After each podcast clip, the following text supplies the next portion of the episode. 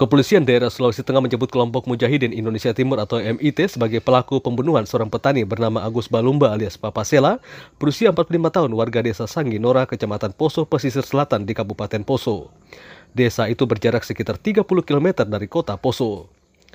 Kepada VOA Senin 10 Agustus, Komisaris Polisi Sugeng Lestari, Kepala Subbidang Penerangan Masyarakat Bidang Humas Polda Sulawesi Tengah menjelaskan, pada Sabtu sore 8 Agustus korban dan seorang rekannya berinisial AP menuju ke pondok kebun untuk menjaga tanaman jagung. Namun sesampai di pondok kebun, justru bertemu dengan sekelompok orang bersenjata api. Saksi AP berhasil melarikan diri tapi korban dianiaya kelompok itu. Jenazah Agus Balumba dievakuasi pada Minggu 9 Agustus oleh aparat keamanan bersama masyarakat desa setempat.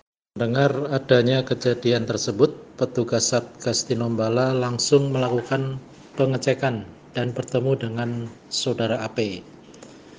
Pada saat diwawancara, membenarkan OTK yang dimaksud adalah orang yang masuk dalam daftar pencarian orang atau DPO kelompok Mujahidin Indonesia Timur Poso, di mana diduga atas nama Ali Kolora yang diketahui membawa senjata laras panjang Pelaku yang memukul AB terlihat membawa senjata pendek dan beberapa orang lain dengan perawakan masih muda.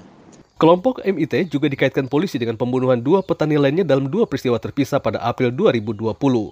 Kepala Pusat Penelitian Perdamaian dan Pengelolaan Konflik atau P4K Universitas Tadulako Muhammad Marsuki kepada VOA Selasa 11 Agustus mengatakan aksi-aksi kekerasan yang menyasar warga sipil dikarenakan dua hal, yaitu MIT ingin menyampaikan pesan bahwa mereka masih kuat dan karena mencurigai warga yang ditemui adalah informan aparat keamanan. Maka kemudian sebenarnya kalau saya negara harus hadir dalam posisi seperti itu. Mhm. Artinya eh, aparat harus bisa melindungi warganya. Nah, begitu panjang ini operasi operasi Tinombala kok tidak bisa menyelesaikan yang katanya terus menurun jumlahnya. Itu artinya menurut saya operasi Tinombala ini belum sepenuhnya mampu menjawab apa yang kita harapkan. Yakni kasus MIT di Poso itu bisa diselesaikan.